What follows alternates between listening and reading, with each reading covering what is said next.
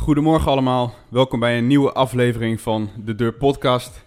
Uh, vandaag hebben we een nieuwe aflevering en we zitten met Jennifer. Goedemorgen iedereen. En met Pastor Behorkes. Goedemorgen. Speciale gast. Ryan is er dit keer niet bij, hij heeft een kindje gekregen. Gefeliciteerd. Gefeliciteerd Ryan nogmaals. Gefeliciteerd, ja. Dan weet, de, dan weet de luisteraar dat ook. Ja. Uh, deze week gaan we het hebben over discipline. En uh, uh, Pastor Behorkes vonden een geschikte gast om uit te nodigen en... We beroepen ons op uw expertise vanochtend. En uh, we hopen dat u uh, ons uh, wat wijzer kunt maken. we gaan deze podcast in op discipline. En, en we hebben eigenlijk al een beetje research gedaan op internet. wat houdt discipline nou eigenlijk in? En ehm, de termen karaktereigenschappen komen dan naar, naar boven. Um, gehoorzaamheid aan voorschriften en bevelen. Kracht om door te gaan voor een doel. Dat soort termen kun je dan vinden in Google. Ja. Nou, deze podcast willen we eigenlijk uh, een paar vragen aan u stellen en gewoon uw mening daarover horen en uw kijk daarop. Ja. En uh, eigenlijk wil ik uh, aan u de vraag stellen en ermee beginnen. Wat is voor u de definitie van discipline? Hoe omschrijft u dat? Um, als ik zelf een definitie aan zou moeten geven, dan uh, omschrijf ik het als de bekwaamheid om dingen los te laten, zodat je beter wordt. Oké, okay, dat, dat is nog heel abstract. Dat is een onverwachte ja. Die, wa, wa, wat bedoelt u daarmee? Laat, laat me dat even uitleggen. Um, heel vaak wanneer we horen over discipline, dan praten we inderdaad over uh, de kracht om te gehoorzamen, de bekwaamheid om bepaalde handelingen constant achter elkaar te kunnen blijven doen. Ja. Maar wanneer je kijkt historisch naar het woord discipline, dan zie je dat het een hele andere insteek geeft. En uh, we noemen dat de etymologie van woorden, dat is de ontstaansgeschiedenis van woorden. En wanneer we kijken naar het woord tucht, waar uiteindelijk alles te maken heeft met het woord discipline, dan zie je dat het woord tucht komt van het woord tricht. En dat betekent letterlijk trekken, vooruittrekken mm-hmm. of omhoog trekken. En het woord discipline, historisch gezien, heeft altijd betekend iemand trekken, vooruittrekken, dan wel omhoog trekken, zodat hij naar een hoger niveau getild wordt en beter wordt. Okay. Zo wanneer je mij vraagt uh, wat discipline is, dan is discipline altijd het proces waarbij je alles loslaat, zodat je verder getrokken kunt worden, omhoog getrokken kunt worden en beter kunt worden. We hebben allemaal uh, de, het beeld voor ogen van de Olympische Spelen, eens in de Mhm. vier jaar. Ja, ja. We weten dat het allemaal afkomstig is uit Griekenland, Mm. uh, de Olympische Spelen al daar. En een van de belangrijke elementen, oorspronkelijk gezien, van de Olympische Spelen was bijvoorbeeld het turnen, de gymnastiek. Ja. Mm. Um, de Grieken, hun filosofie was altijd dat wil je beter worden, dan moet je alles loslaten wat een obstructie, een, een last is. Oh. Zodat je Ja. al je energie kunt steken in datgene wat je moet doen om jezelf te verbeteren. Zo, het woord gym of het woord gymnastiekzaal, dat woord komt van het woord gymnos in het Grieks. En dat betekent heel simpel naakt. En daarom zie je ook dat de oude beelden die eh, getekend worden, of de standbeelden over eh, eh, mensen die aan het gimmen waren in de dagen van de Griekse beschaving, dat altijd in volledige naakte ornaten deden. Trokken hun kleren allemaal uit en Ja, ja. naakt waren ze aan het trainen Mhm. zodat zij niet belemmerd werden door de kledingstof en Echt, de kleine stukken. Zodat ze al hun energie konden steken in datgene wat ze moeten doen om het maximale uit te kunnen halen. Dat Oké. woord gym, gym, gymnos is uiteindelijk verder geëvolueerd in het woord gymnasium. Mhm. Dat is het hoogste middelbare schoolniveau die wij hebben naast het VWO. In het gymnasium krijg je dan ook nog een keer Latijn en Grieks erbij. Ja. Zo, het hele beeld is alle obstructie, alle last, alle ballast loslaten die jou verhindert. Zodat je al je energie kunt steken in wat je moet doen om uiteindelijk het hoogst haalbare uit jezelf te halen eh, als mens zijn. Heel. Vandaar dat ik Ja. de definitie geef, Hm. het loslaten om jezelf te verbeteren. Eigenlijk is dit ehm, een heel helder verhaal wat u opgeeft. En eigenlijk voor, de, voor mij, en ik denk voor Jennifer ook... ehm, eh, misschien even goed om deze defini- definitie te horen. Want dit is eigenlijk een stukje achtergrond. Ja. Want ik noemde net eh, begrippen natuurlijk die we op Google kunnen vinden. Eigenlijk is dit de onderliggende gedachte en wat meer ook eh, eh, de diepte in. Dit is Ja. discipline. Dat is eigenlijk wat u, als ik het mag samenvatten... ehm, eh, zorg dat alle ballast die jou eh, weerhoudt van een doel behalen of een, eh, zoals u had, zoals u het beschreef over de Olympische Spelen, alles wat je tegenhoudt, zeg maar, eh, achterwege laten. Dus in die zin Ja. loslaten. Maar als ik zelf denk aan discipline, dan denk ik alleen maar aan lastige dingen volhouden. Ja, En, en- en, eh, ik denk aan eh, eh, constant zijn Ja. of aan. ehm, dus ik, ik, ik ik heb helemaal, als ik aan discipline denk, denk ik alleen maar aan jezelf. Ja. Ik denk helemaal niet aan een ander of aan een ander optrekken. Of, eh, dus ik vind het sowieso Ja. heel grappig. ehm, Ja, en dat is inderdaad absoluut waar wat je zegt. Ik denk dat de definitie van discipline door de tijd heen een, neg- een negatieve lading heeft gekregen. ja. Oh ja. Eh, het wordt inderdaad geassocieerd met pijn, met vervelend zijn, met keurslijf, eh, met afmatten, met zweten, eh, pijn lijden, Mhm. opofferen, et cetera, et cetera, et cetera. Mhm. Terwijl van origine heeft het een positieve lading en dat is naar een hoger niveau kunnen tillen. Ja. Ik sta op een muurtje, jij wil op de muur komen. Ik reik mijn hand naar jou en ik trek je omhoog. Dat is wat discipline is. Mhm. Dat is wat een trainer, een coach, ouders doen met kinderen, coach, trainers doen met de mensen waar, die hij, zij onder zich heeft. Ja. En dan krijg je een positieve lading. Als je kijkt naar het hart van, eh, van het woord discipline, want woorden zijn geesten, woorden hebben een eigen leven in zich. Mhm. Eh, de ziel van dat woord discipline heeft te maken met passie, het verlangen om hogerop te komen en Ja. verder op te komen in het leven. Ja. En het is die passie wat de drijfsfeer wordt om in dat proces van loslaten, zodat jij beter kunt worden, eh, met eh, vrijwillig in wil stappen en het ook wil ondergaan. Ja, en dat is uiteindelijk de essentie. Ik denk gelijk aan het woord discipelschap en discipelschap training. En eh, dan, dan eh, m- duiden die woorden voor mij veel duidelijker waarom we dat een discipel noemen, noemen. Want je wil inderdaad dat ook dan bereiken. Ja, Ehm, als we hem even kijken van waarom is discipline iets waar we tegenwoordig zoveel moeite mee hebben? En dan, dan is het wel, en dan als ik discipline gebruik, zeg ik wel even het vasthouden van goede gewoontes. Of even in die nou ja, verkeerde omschrijving dan. Mhm. Maar waarom is dat tegenwoordig zo lastig? Nou, ik denk, dat, ik denk dat het met een paar dingen te maken heeft. Ik denk dat het te maken heeft ten eerste met een verkeerd begrip die we hebben over het leven. Eh, we moeten eerst dingen goed begrijpen, willen wij snappen waarom we dan andere dingen moeten doen of bepaalde dingen moeten doen om onze doelen te kunnen bereiken. Een van de dingen wat ik daarmee bedoel ten eerste heeft te maken met eh, de gevallen wereld. Jij kunt een idee hebben, jij kunt, het verlangen hebben om iets te willen worden. Maar dat betekent niet dat het zomaar gaat gebeuren, want je, houdt, je moet rekening houden met de tegenkrachten in de wereld. Niet iedereen staat te popelen op jouw idee. Niet iedereen staat te popelen dat jij beter gaat worden. We leven eenmaal in een gevallen wereld. Dus dat betekent dat je tegenstand gaat krijgen van buitenaf, die jou uiteindelijk gaan belemmeren als je niet oppast om je doelen te bereiken. Ik geef een voorbeeld. Je denkt, hé, hey, ik heb een fiets, ik ga naar school. Maar je moet wel rekening houden met de regen, met de wind die tegen gaat zitten. Zo, dat zijn belemmerende factoren op jouw weg naar jouw doel.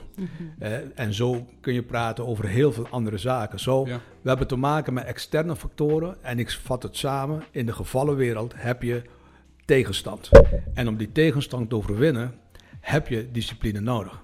Tweede wat je te maken hebt, is we hebben te maken met de gevallen natuur van de mens. Dat betekent dat de mens niet optimaal functioneert, want de mens hart is corrupt geworden. Ja. Daarom zul je ook tegenstand van mensen kunnen krijgen. Mensen die tegen je inkomen, mensen die jaloers zijn, mensen die naijver hebben, mensen die Mhm. het allemaal niet leuk vinden, jou tegenzitten.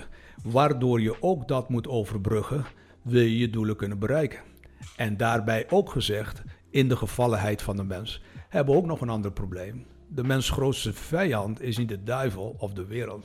De mens grootste vijand is hemzelf. Wij hebben te leven met een vlees die perfect gemaakt is na de zonde Mhm. om ons tegen te werken in onze disciplines van het leven. En Jezus Christus zei in Matthäus 26, zegt hij in Hof van Gethsemane, hij zegt, eh, waakt en bid, want de geest is wel gewillig, maar het vlees is zwak. Zo, als wij geen discipline hebben, zullen we ons vlees niet kunnen overwinnen. En ons vlees zal zorgen dat wij nooit eh, onze doelen bereiken, dan wel het vroegtijdig aborteren. Mhm. Dat is vaak wat je ziet met mensen. Karakter. Hoe denkt u, zeg maar, ehm, dat God, want u haalt de Bijbel al aan, eh, logischerwijs. Ehm, hoe kijkt God naar discipline? Want ehm, ik kan me voorstellen dat de ene persoon meer, meer gedisciplineerd is dan de ander. Dus in de zin, eh, dit, dit, dit meer voor ogen heeft. Of eh, ehm, eh, beter kan inzien van, hé, hey, dit houdt mij tegen en dit kan laten en dit kan... Hoe kijkt God daar tegenaan? En, en ehm, ja, daar ben ik eigenlijk benieuwd naar. Ja, nou, ik denk dat, eh, ik denk dat God absoluut gefocust is op de discipline eh, van de mens. Ehm, waar wij niks aan kunnen doen is talenten. Hè? Matthäus hoofdstuk 6, 25. Uh, de ene krijgt vijf talenten, de andere twee, de andere één. Iedereen naar de mate van zijn haar geloof. En binnen jouw mogelijkheden en je limitaties wil God dat je het beste presteert. Ja. Uh, dat zijn je talenten. Maar discipline uh, is niet iets wat je van geboorte meekrijgt. We worden allemaal zondaren geboren, luie mensen die geen zin hebben om iets te doen. Hm. Zo, het heeft te maken met ontwikkeling, opvoeding en kennis die je gaat helpen uh, om discipline te begrijpen en dat ook te ontwikkelen in je leven. Uh, voed een kind op in de rechte weg des Heren en in de tucht des Heren. Zo, daar heeft het allemaal mee te maken. Als jij mij vraagt hoe dan God dat uitwerkt, zijn gedachten over discipline, kunnen we het verhaal aanhalen, bijvoorbeeld van Mozes. De Bijbel zegt dat God op een dag tegen Mozes zegt in de woestijn, omdat de mensen geen water hadden om te drinken, mm -hmm. spreek tot de, um, sla op de rots en er komt water uit en de mensen zullen water krijgen. Uiteraard is de rots is Jezus Christus, het water is het woord van God, de Heilige Geest, et Um, zo, hij slaat op de rots, water komt eruit, mensen drinken. Later zie je dat ze in een soortgelijk geval weer terechtkomen. Mensen beginnen weer te klagen vanwege gebrek aan water. En God zegt tegen hem, spreek tegen de rots en er komt water uit. En Mozes doet dat niet en Mozes slaat de rots.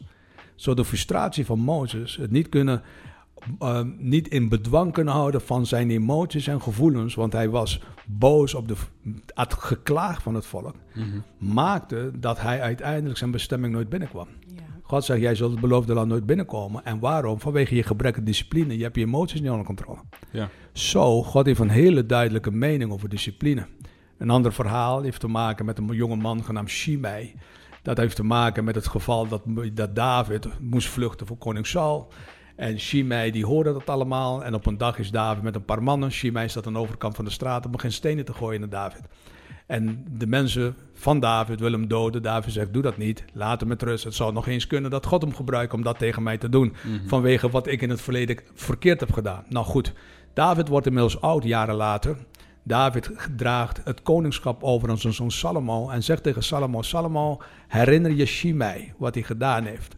Maar wees rechtvaardig met hem. Wat doet Salomo? Salomo zegt, dit heb je toen gedaan met mijn vader, maar ik ben niet haatdragend. Zo, ik ga je een plek geven om te leven in het land.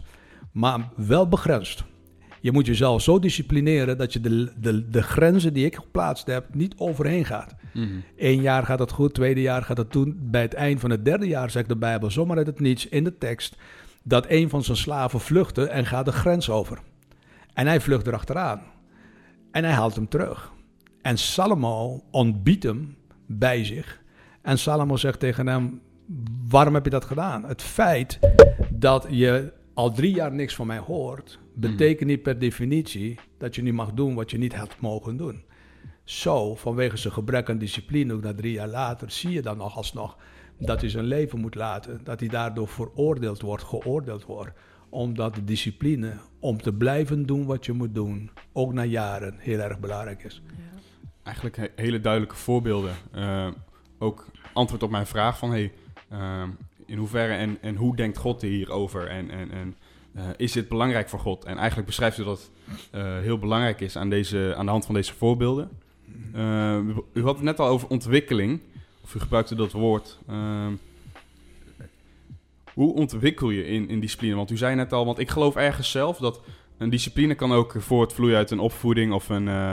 Kan je meegekregen hebben van huis uit. Iedereen heeft zijn achtergrond. Mm -hmm. Maar stel u voor, ik, ik, ik ben uh, helemaal niet gedisciplineerd. Uh, ik kom uit een hele uh, ongedisciplineerde achtergrond. Hoe ontwikkel je dat? En u bent een Pasen, misschien dat u werkt met discipelen waarbij u dat mhm. ziet. En, en, en natuurlijk, iedere mens moet een bepaalde maat van discipline onder de knie hebben, denk ik, vind ik. Het lijkt mij. Um, hoe ontwikkel je dat? Ja, ik denk dat dat een hele, hele, hele krachtige vraag is, omdat het wel de kern meteen raakt van het probleem wat we vandaag de dag in onze samenleving zien. Uh, wanneer we ervan uitgaan, en we moeten ook daarvan uitgaan, dat uh, wanneer je dat mee hebt gekregen van huis, dat dat een pre is. En dat jou absoluut helpt en dat je een paar stappen vooruit bent. Maar 65% van de mensen vandaag de dag in onze samenleving, zeker hier in Nederland, komen uit gebroken gezinnen. Geen vader, allerlei problemen, niet eens kunnen leven. Ze zijn constant al jaren in overlevingsmodus. Heeft dat effect, wat u net zegt? Dat heeft gigantisch veel effect. Denk maar aan het effect van uh, onzeker zijn. Ja. Uh, niet geloven dat je in staat bent iets te doen. Men heeft jaren geleden heeft men een onderzoek gedaan tussen 12-jarigen en 18-jarigen in twee verschillende gezinnen of twee verschillende groepen gezinnen. En in de ene groep plaatsen ze mensen waarvan de ouders de kinderen stimuleerden om in zichzelf te geloven. Bijvoorbeeld, zij mochten fouten maken. Hier heb je een boormachine, boor maar een gat in de muur. Het gaat fout. Ze worden niet toegeschreeuwd Mhm. en dom benoemd, maar men traint ze en leert hoe je dat dan wel moet doen. De andere groep was waarin je eigenlijk niks mocht doen, want je bent te dom en stom om iets te doen. Je wordt uitgelachen, uitgevoeterd. Nou, we kennen dat soort praktische voorbeelden. Jaren later hebben ze uiteindelijk de conclusies getrokken na deze onderzoeken. Ze kwamen erachter dat zij die kwamen uit de gezinnen waar er, fout, waar er ruimte was om fouten te maken, waar positief tegen je wordt aangesproken. Deze waren mensen die het meest sterk in hun schoenen stonden. Mhm. Zij durfden initiatief te nemen, ze durfden voor zichzelf op te komen. In het andere gezin, waar dat niet aanwezig was, waren de mensen ontzettend onzeker in het leven. Nou, 65% van de samenleving, durf ik vandaag te zeggen, komt uit gebroken gezinnen. Dus we hebben hier een probleem. Dit is het grootste probleem die wij hebben met het trainen, specifiek voor mannen. Maar in feite train je ook vrouwen, maar mannen train je in het bijzonder voor leiderschapsposities. Eh, maar je traint ze allebei. En dit is waar we mee te kampen hebben eh, in ons levens. Zo, is er geen hoop voor deze mensen? Dat is dan de hamvraag. Vandaar dat ik zeg, jouw vraag is een hele goede vraag. Mhm. Want als we alleen de opvoeding van thuis uit nodig zouden hebben om gedisciplineerde mannen en vrouwen te worden, dan hebben we echt een groot probleem. En dan is er bijna geen hoop voor de mensen die dat niet hebben Ja, meegemaakt precies. Ja, Ja. precies. en een valse start hebben gehad. Zo, discipline in mijn optiek is niet iets waar je mee geboren wordt, het is iets waar je in gevormd wordt. Discipelen worden niet geboren, ze worden gemaakt. Gedisciplineerde mensen worden gemaakt. Ja, ja. En als je geen ouders hebt om je te maken, dan heb je altijd nog steeds de Bijbel, de kerk en God, dan wel anderen die jou wel kunnen helpen om dat te doen. Ehm, Zo, dat is de hoop voor elk rest van de mens. Je kunt het ontwikkelen. Is het makkelijk? Discipline is nooit makkelijk. Hebben degenen die uit een goed gezin een pre, een, een voorsprong? Jazeker. Maar dat is niet onoverkomelijk. Betekent niet dat je ze niet kunt aan inhalen. Eh, zo, we kunnen dat maken. Hoe doe je dat? In eerste instantie geloof ik dat het belangrijkste is, is dat jij zelf een verlangen moet hebben om vooruit te willen komen in het leven. Mijn grootste frustratie met mannen en wanneer ik deel met kerken ehm, ehm, door de jaren heen is dat het soms lijkt alsof ik een die groter verlangen heb om hun te zien slagen dan dat zij het verlangen hebben om zichzelf te zien slagen. Dat gaat niet werken. Mhm. Want discipline is iets intrinsiek. Met andere woorden, het is intern, het is in jou. Ja. Ik kan jou stimuleren, ik kan jou de weg wijzen, ik kan je vertellen dat een trap gemiddeld bestaat uit 13 treden, nieuwe huizen 15 treden. Ja. Eh, en als je boven wil komen, pak eerst het eerste tree, dan krijg je de tweede, de derde, de vierde enzovoort. Je komt wel omhoog. Maar jij moet het lopen. Ja. Jij moet het werk doen. Ja. En dat is het grote probleem. Zo de wil, het verlangen om iets te willen worden, dat is al een probleem waar we hiermee te kampen hebben. Wat bedoel ik dan daarmee in de hedendaagse samenleving van social media? Eh, en eigenlijk sinds halverwege de jaren 60 van het vorige eeuw zie je dat de, dat de manier van staan in het leven is veranderd naar we moeten iets van het leven maken, schouders ondersteken, naoorlogse mentaliteit. We moeten bouwen naar de mentaliteit van mijn hoogste doel in het leven is om plezier te hebben, gelukkig te zijn. Wanneer je dat doet, dan vliegt discipline al bijna uit, eh, uit het raam. En dan Mhm. krijg je mensen die niet lang genoeg kunnen vasthouden. Want ik wil wel de prijs betalen, maar het moet niet langer duren dan twee dagen. Eh, en twee weken al helemaal, want dan begrijp ik God dan niet meer als het langer moet. Eh, en hebben de kracht en de veerkracht niet ontwikkeld om door te beuken in het leven. Zo, dat is een van de grootste problemen die je hebt. Zo het begint met jouw diepste verlangen. Ik wil veranderen. Ik Ja. wil dat dit huwelijk gaat werken. Ik wil een goede pastor zijn. Ik wil een goede christen zijn. Ik wil integer zijn. Ik wil een man van mijn woord zijn. Mhm. Et cetera. Vul het voor jezelf maar in. Ik wil mijn diploma halen. Ik wil een goede discipel zijn. Wanneer je dat gevestigd hebt, dan zit je, heb je jezelf in de juiste richting gepositioneerd. Voordat je gaat lopen, moet je wel in de juiste richting kijken. Ja. De Bijbel zegt op een gegeven moment, Jezus zette zijn gezicht, aangezicht naar Jeruzalem toe. That's it. Het, het, het viel letterlijk in het slot. Dat was zijn focus. En zijn voeten volgen. Eh, je voeten volgen altijd je denkwereld. Ja, ja. Zo, je moet je eerst positioneren. En wanneer jij dat doet, Dan kun je beginnen te lopen. Heel helder eigenlijk. eh, het begin van discipline is je, je focus, je visie, je blik, wat u al zegt.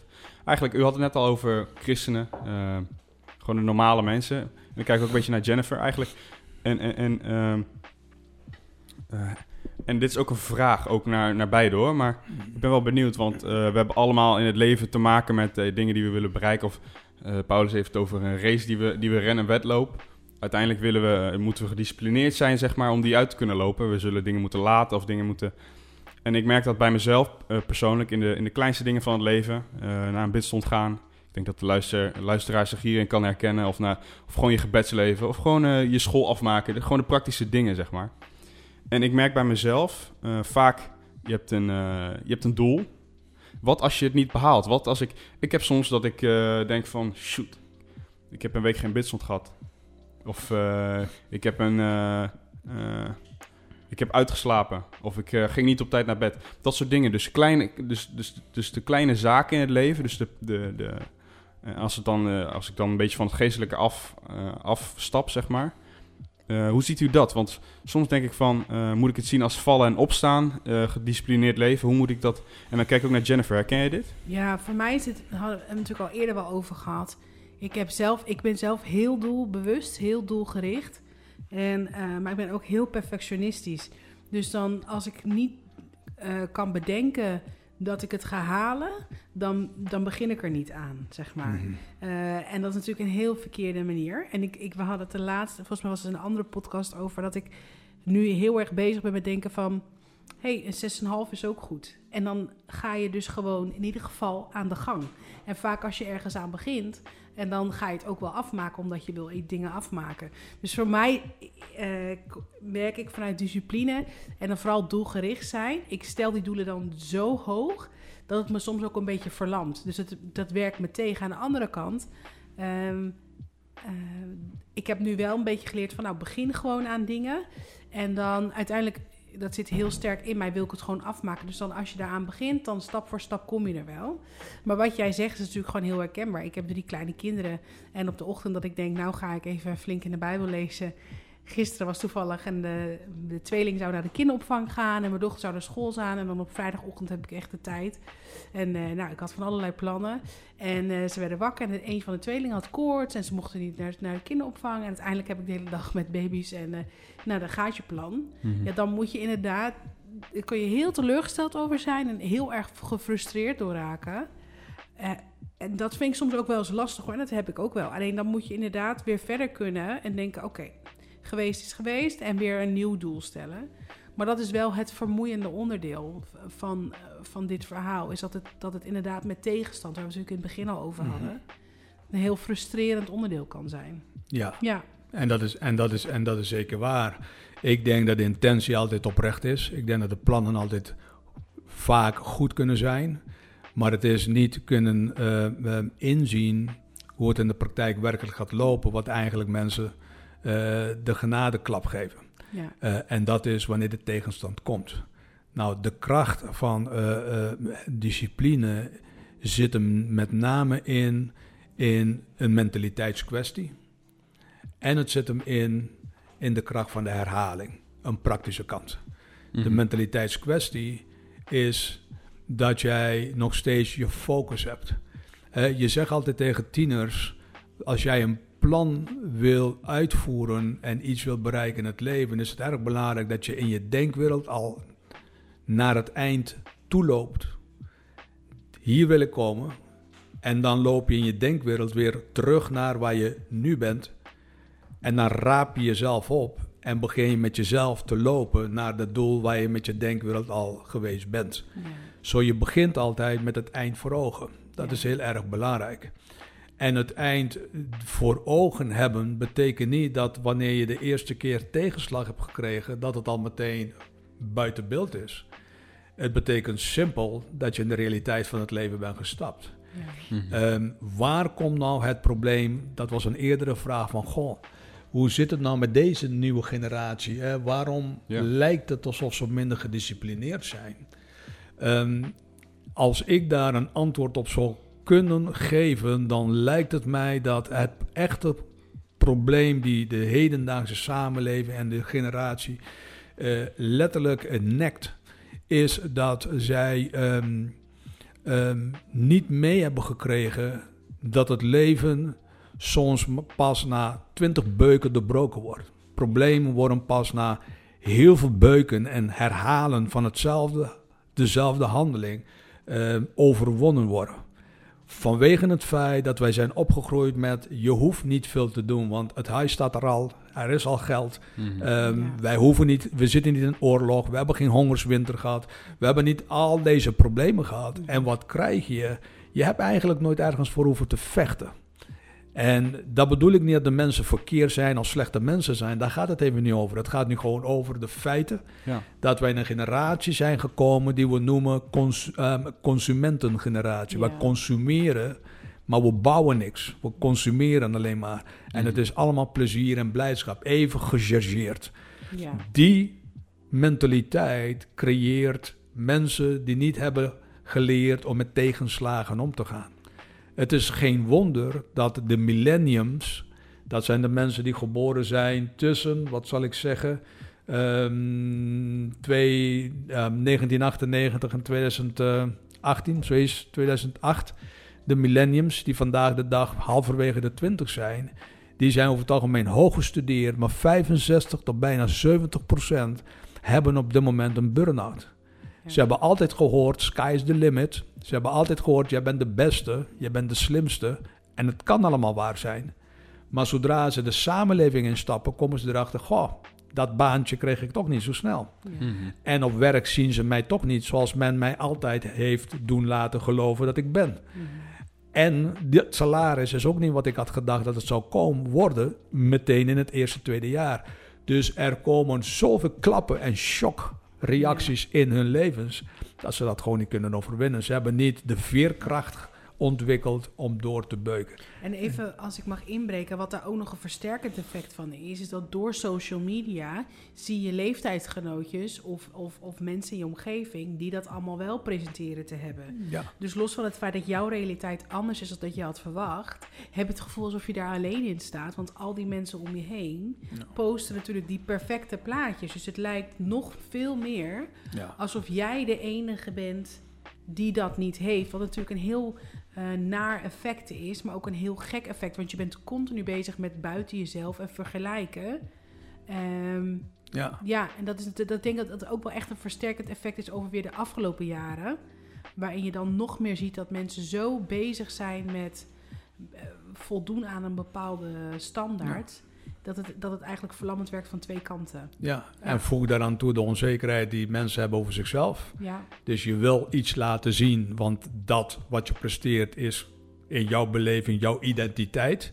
Ja, dan wordt het wel een heel ingewikkeld verhaal logisch. Want wie wil vertellen dat je gefaald hebt? ja, Eh, terwijl falen gewoon een onderdeel is van het leven. En dan, dat maak je nog geen mislukkeling logisch. nee. Dat gaat nergens over. Ja, en ik wil nog één ding even toevoegen. Wat ik heel mooi vond over dat je aangaf over ehm, een doel voor ogen hebben. Dat je dus, dat je naar tieners zei van, die, die geven, bedenk een doel waar je komt. Waar ik dan ook gelijk aan denk is het mooie is als dat je weet waar je uit wil komen.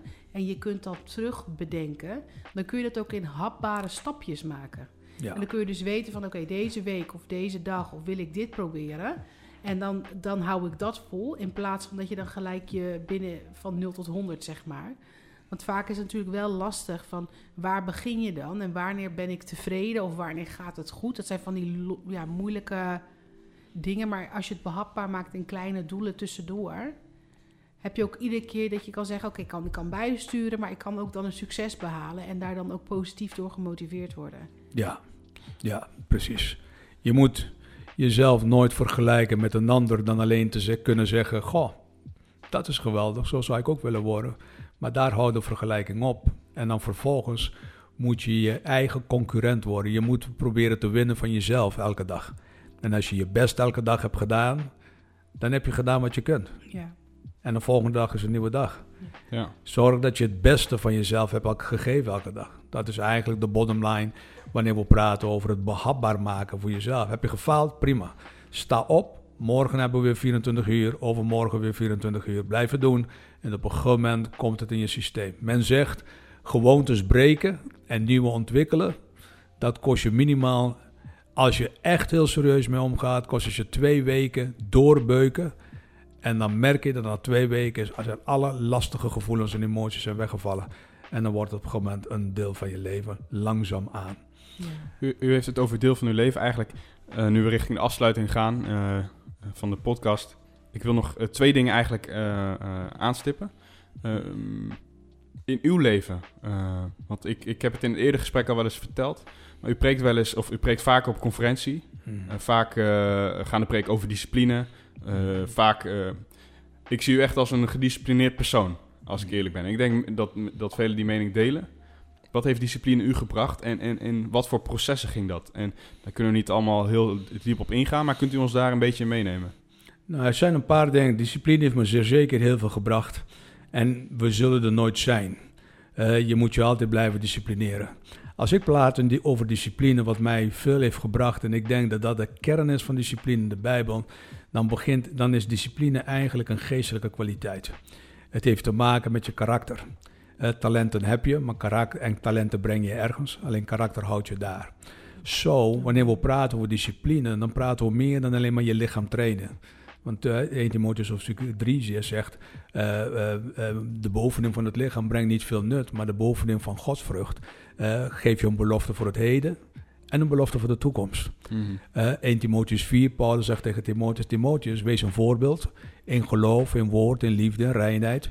Um, maar wees ook uh, uh, uh, een voorbeeld in de manier hoe je in het leven staat. Met andere woorden, behartig jezelf in de dingen die je geleerd hebt. Behartig jezelf in het weerleggen, in het lezen van Gods woord. En zorg dat de mensen zien dat je vooruit gaat in het leven, zodat je jezelf kunt redden. En zij die jou zien en volgen, gered kunt houden, dan wel kunt redden.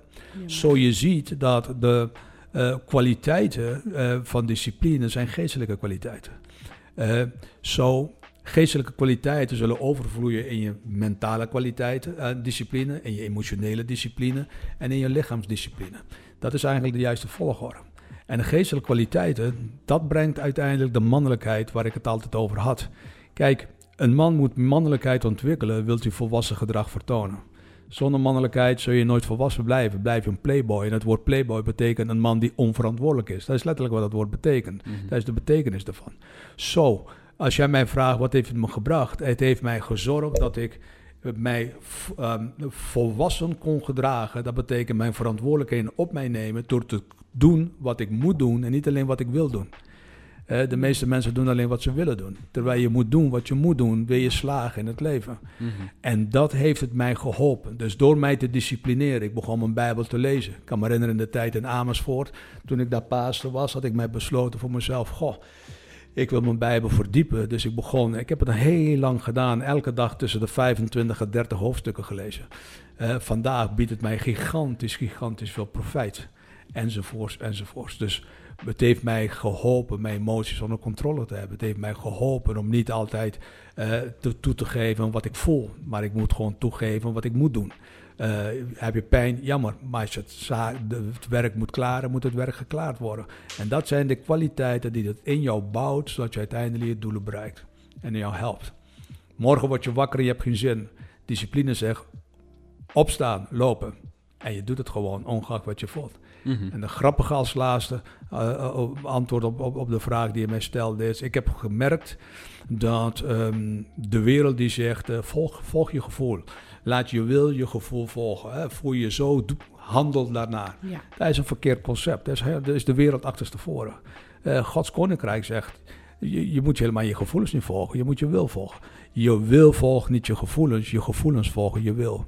Als je je wil zet om iets te doen ongeacht wat je gevoelens jou vertellen, wat je moet voelen op dat moment. Je gevoelens, als je door blijft lopen in de wil die je doet, zullen je gevoelens gedurende de dag veranderen en zich schikken en onderwerpen aan de keuzes die je hebt gemaakt. Ik heb geen zin om naar werk te gaan. Je staat gewoon op, je poet je tanden, je kam je haar, je kleed je aan, stapt op die rotfiets tegen de wind in. Helemaal papnat ben je op werk en je doet je werk en plotseling begin je te lachen met je collega's. Je gevoelens hebben zich gewoon onderworpen aan de wil in jouw persoonlijk leven. Amen. En dat is de kracht van discipline. Ja, heel mooi. Goh, heel duidelijk.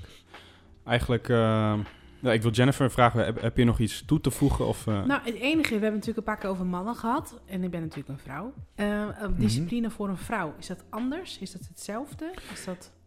En bepaalde dingen niet, want een vrouw moet ook werken. Eh, vandaag de dag uh, kun je bijna niet uh, daaromheen, want één verdiener lukt het allemaal niet. Zo, dat is, zijn de feiten, denk ik. Maar een vrouw is heel anders in opmaak, gewired, dan een man. Een vrouw is veel emotioneler, omdat zij de taak heeft om te zorgen, te bemoedigen en te, en te bemoederen. Um, Waar is dan discipline voor de vrouw belangrijk? Bijvoorbeeld in Efesius, in, uh, in uh, Efesius hoofdstuk 5, waar praat over het huwelijk, waarin de Bijbel zegt, uh, vrouw onderwerp je man, want, zegt de Bijbel, je zou nog, je zul, of 1, Petrus 3, je zult je man nog kunnen winnen zonder woorden te spreken. want als jij je onderwerpt en je man, en je man doet niet wat hij moet doen, en jij zorgt dat je niet um, gek draait in je hoofd door je emoties, dan kun je hem nog winnen en kun je zijn hart veranderen. Nou, hier is de discipline van de vrouw.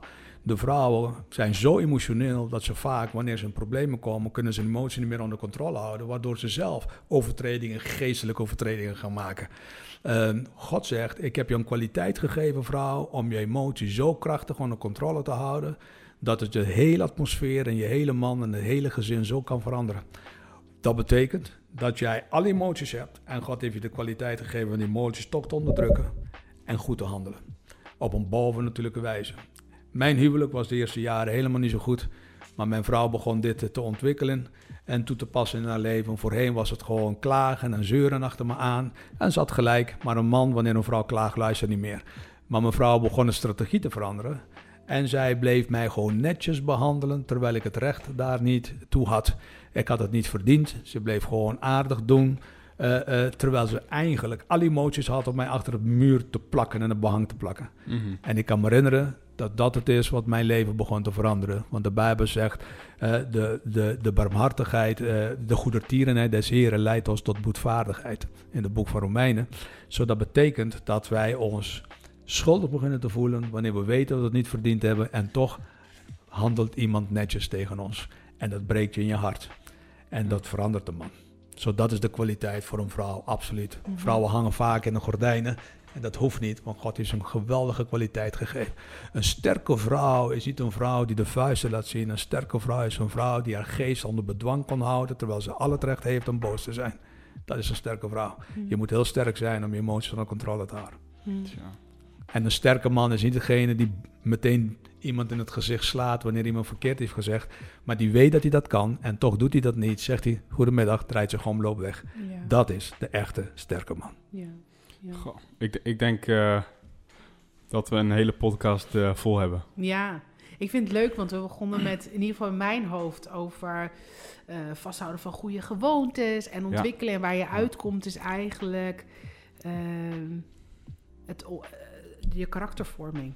Dat ja. vind ik gewoon heel leuk. Als ik, het, als ik het nu even samenvat in wat ik ja. aarde, is dat karaktervorming. Ik vind dat een mooi iets, want ja, ik denk gewoon dat heel veel uh, nadruk op wat we doen... en soms ook wel in de kerk is natuurlijk heel erg naar buiten gericht. We zijn bezig met activiteiten, we hebben heel veel zorg en waarde daarvoor. Mm. Evangelisatie, al dingen zijn natuurlijk van onschatbare waarde... maar het werken aan je karakter in eerste instantie en daar dan van uitgaan dat dat doorvloeit in andere dingen, ja. is wel heel duidelijk dat je inderdaad het los kan laten. En dat wil niet zeggen dat je niks meer doet, maar dat je de focus eigenlijk zou moeten hebben op doe ik het om de juiste redenen, op de juiste manier en daaraan werken. Dan gaat uiteindelijk alles beter als ja. ik het goed heb begrepen. Ja, ja. ja. mijn tweede definitie die ik had in mijn hoofd vandaag was. Uh, definitie van discipelschap, het loslaten om te verbeteren. Een andere definitie is het proces van loslaten verbeteren dan wel het proces van karaktervorming. Dat is wat het is. Ja, mooi. Dat is letterlijk wat het is. Je ja. wordt een beter mens. Ja. Ik uh, wil, wil, jullie beiden bedanken. Uh, ik wil de luisteraar natuurlijk ook bedanken. Uh, ik denk dat we een stuk diepgang hebben kunnen, kunnen brengen. Ja. Ehm, ik hoop dat je er wat aan hebt gehad. Nou, uh, nou is het zo dat wij uh, openstaan voor vragen, opmerkingen. Als jij dingen wil weten, uh, als jij dingen aan Paas Brokers wil vragen, nou, dat kunnen wij voor je doen. Nou, je kunt een berichtje sturen naar de deurpodcast.gmail.com. Voel je vrij om altijd een berichtje te sturen.